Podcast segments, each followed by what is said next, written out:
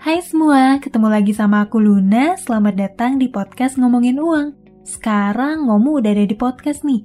Jadi kamu bisa denger dan belajar keuangan di sela-sela kesibukan kamu. Atau sekalian nemenin kamu sebelum kamu tidur. Oh iya, buat kamu gitu ya yang kepikiran pengen bikin podcast juga. Cobain deh, bikin podcastnya pakai Anchor. Jadi dengan upload di satu platform Anchor doang, rekaman podcast kamu tuh langsung terdistribusi ke Spotify, iTunes, Google Podcast, dan lain-lain.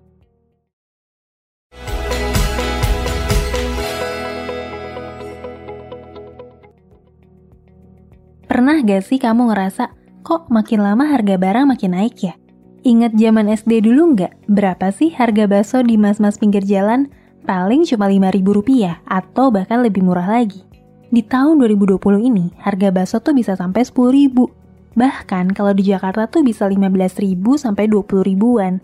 Ongkos angkot ke sekolahku dulu nih cuma 1000 rupiah. Sekarang udah 3500. Nah, faktanya harga barang dan jasa emang makin lama makin naik. Bahkan nih, harga kebutuhan pokok kayak beras di tingkat grosir juga terus naik. Menurut data dari Badan Pusat Statistik, harga rata-rata beras di Januari 2010 tuh adalah 6.702 per kilonya. Sementara, harga rata-rata beras di Januari 2020 ini adalah Rp12.343 per kilonya. Harga rata-rata beras grosir tuh naik sekitar 85% nih per kilogramnya dalam 10 tahun terakhir. Sebenarnya apa sih yang terjadi? Kenapa ya harga-harga tuh naik terus? Kenapa sih harga tuh nggak tetap sama aja dari dulu sampai sekarang? Nah, pada video kali ini aku akan coba bahas nih tentang fenomena kenaikan harga barang dan jasa yang kita alami sehari-hari. Gini, dalam ekonomi, fenomena ini tuh dinamain inflasi.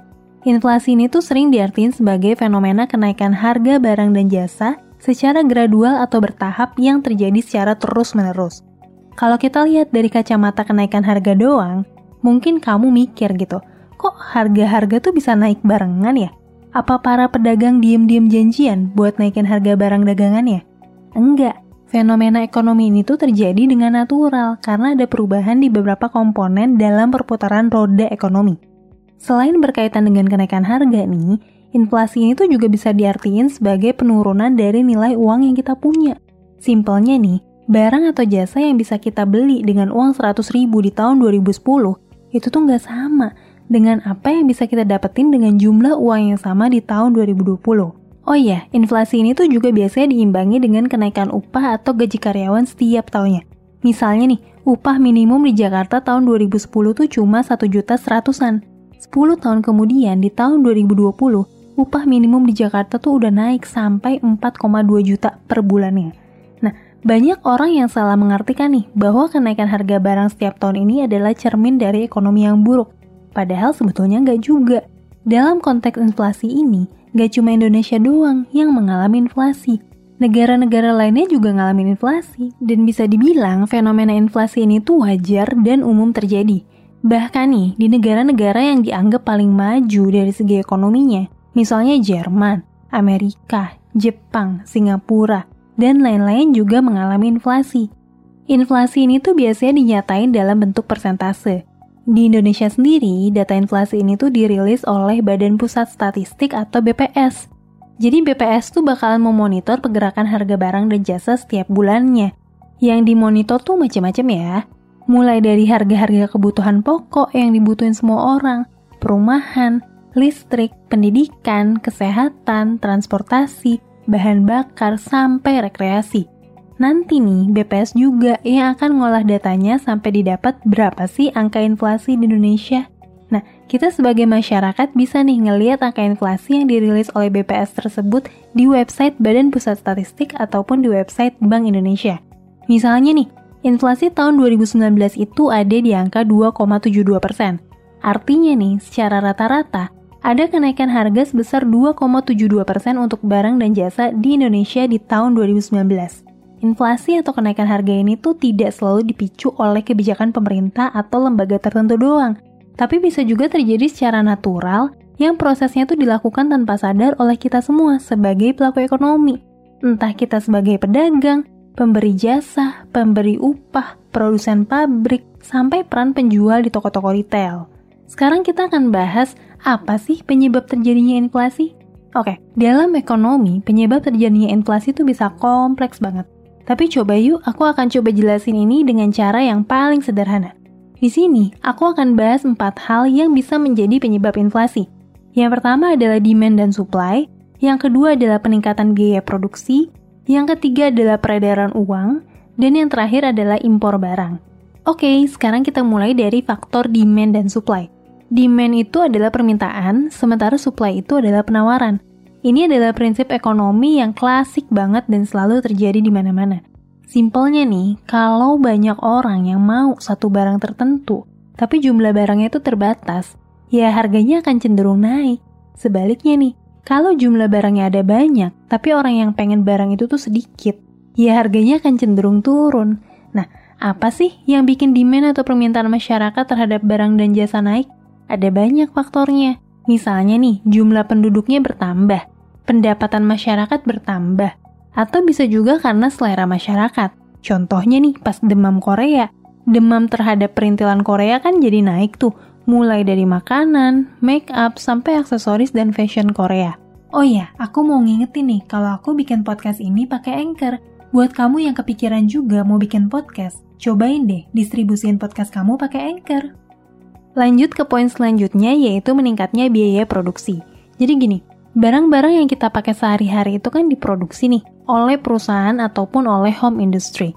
Nah, dalam proses produksi, tentu produsen tuh harus ngeluarin biaya produksi dong untuk beli bahan baku, untuk beli mesin produksi, bayar tenaga kerja, sampai bahan bakar.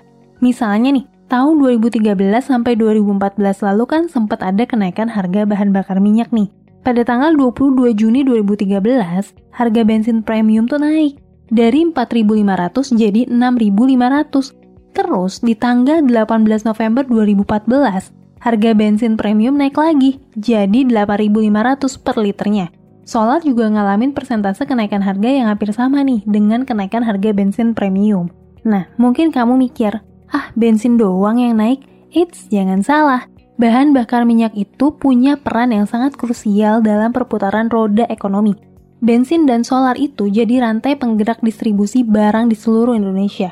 Coba kamu bayangin deh, misalnya nih, ada satu perusahaan pembuat roti gitu.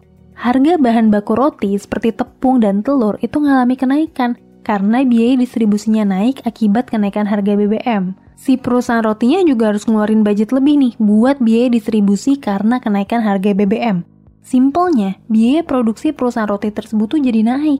Dan pada akhirnya, perusahaan roti tersebut tuh menaikkan harga jual rotinya kepada konsumen. Nah masalahnya, kenaikan BBM ini tuh nggak cuma berdampak untuk perusahaan roti doang.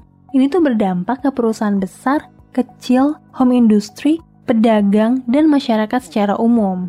Contoh lainnya itu biaya tenaga kerja. Ini tuh berkaitan banget nih sama UMR. Kalau UMR naik, perusahaan atau pemilik usaha itu kan harus ngeluarin budget lebih nih buat bayar tenaga kerja biaya produksi dari sisi tenaga kerja tuh naik. Dan ujung-ujungnya, perusahaan harus naikin harga produknya yang dijual ke masyarakat. Mungkin ini juga bisa menjawab nih, kenapa sih pemerintah nggak naikin UMR jadi setinggi-tingginya aja biar para pekerja sejahtera? Nah, salah satu alasannya, kalau kenaikan UMR dilakuin dalam jumlah signifikan dan dalam waktu singkat, para pengusaha yang membayar upah itu akan terbebani dengan biaya produksinya yang tinggi sehingga mereka tuh bakalan naikin harga barang yang dijual ke masyarakat.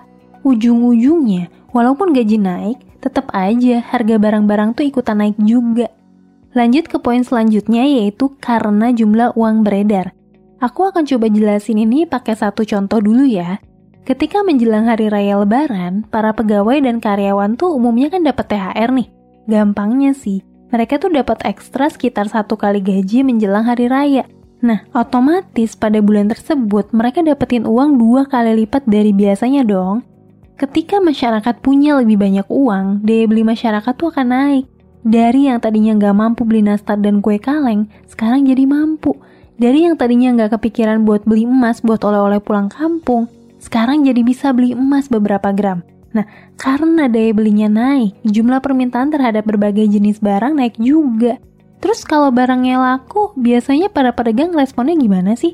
Ya kalau dagangannya laku, pembelinya banyak, mereka akan cenderung naikin harga nih supaya keuntungannya bertambah. Kan mumpung dagangannya laku, Ujung-ujungnya apa? Ya kenaikan harga yang berdampak pada inflasi.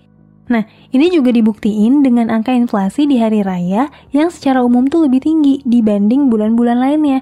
Karena emang masyarakat tuh punya lebih banyak uang dan cenderung lebih konsumtif saat hari raya.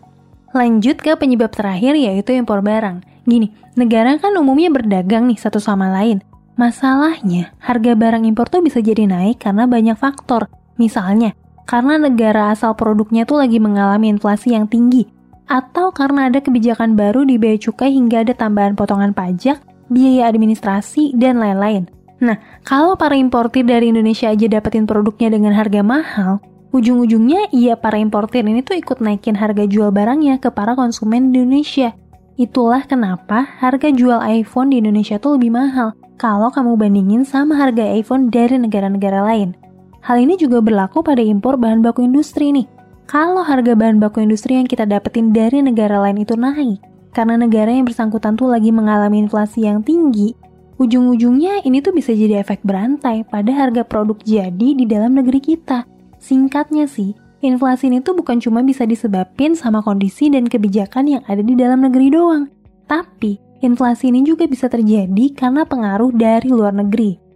Oke deh, itu adalah empat faktor yang bisa jadi penyebab inflasi. Penyebab inflasi tentu bukan cuma empat itu doang ya. Masih ada banyak faktor lainnya juga. Mungkin faktor lain itu akan aku coba bahas di kesempatan yang lain. Oh iya, buat kamu yang pengen nonton penjelasannya dengan lebih detail dalam format video, kamu bisa nonton di channel YouTube Ngomongin Uang. Kamu tinggal search aja nih video yang judulnya sama dengan podcast ini. Oke? Aku tunggu kamu di YouTube ya.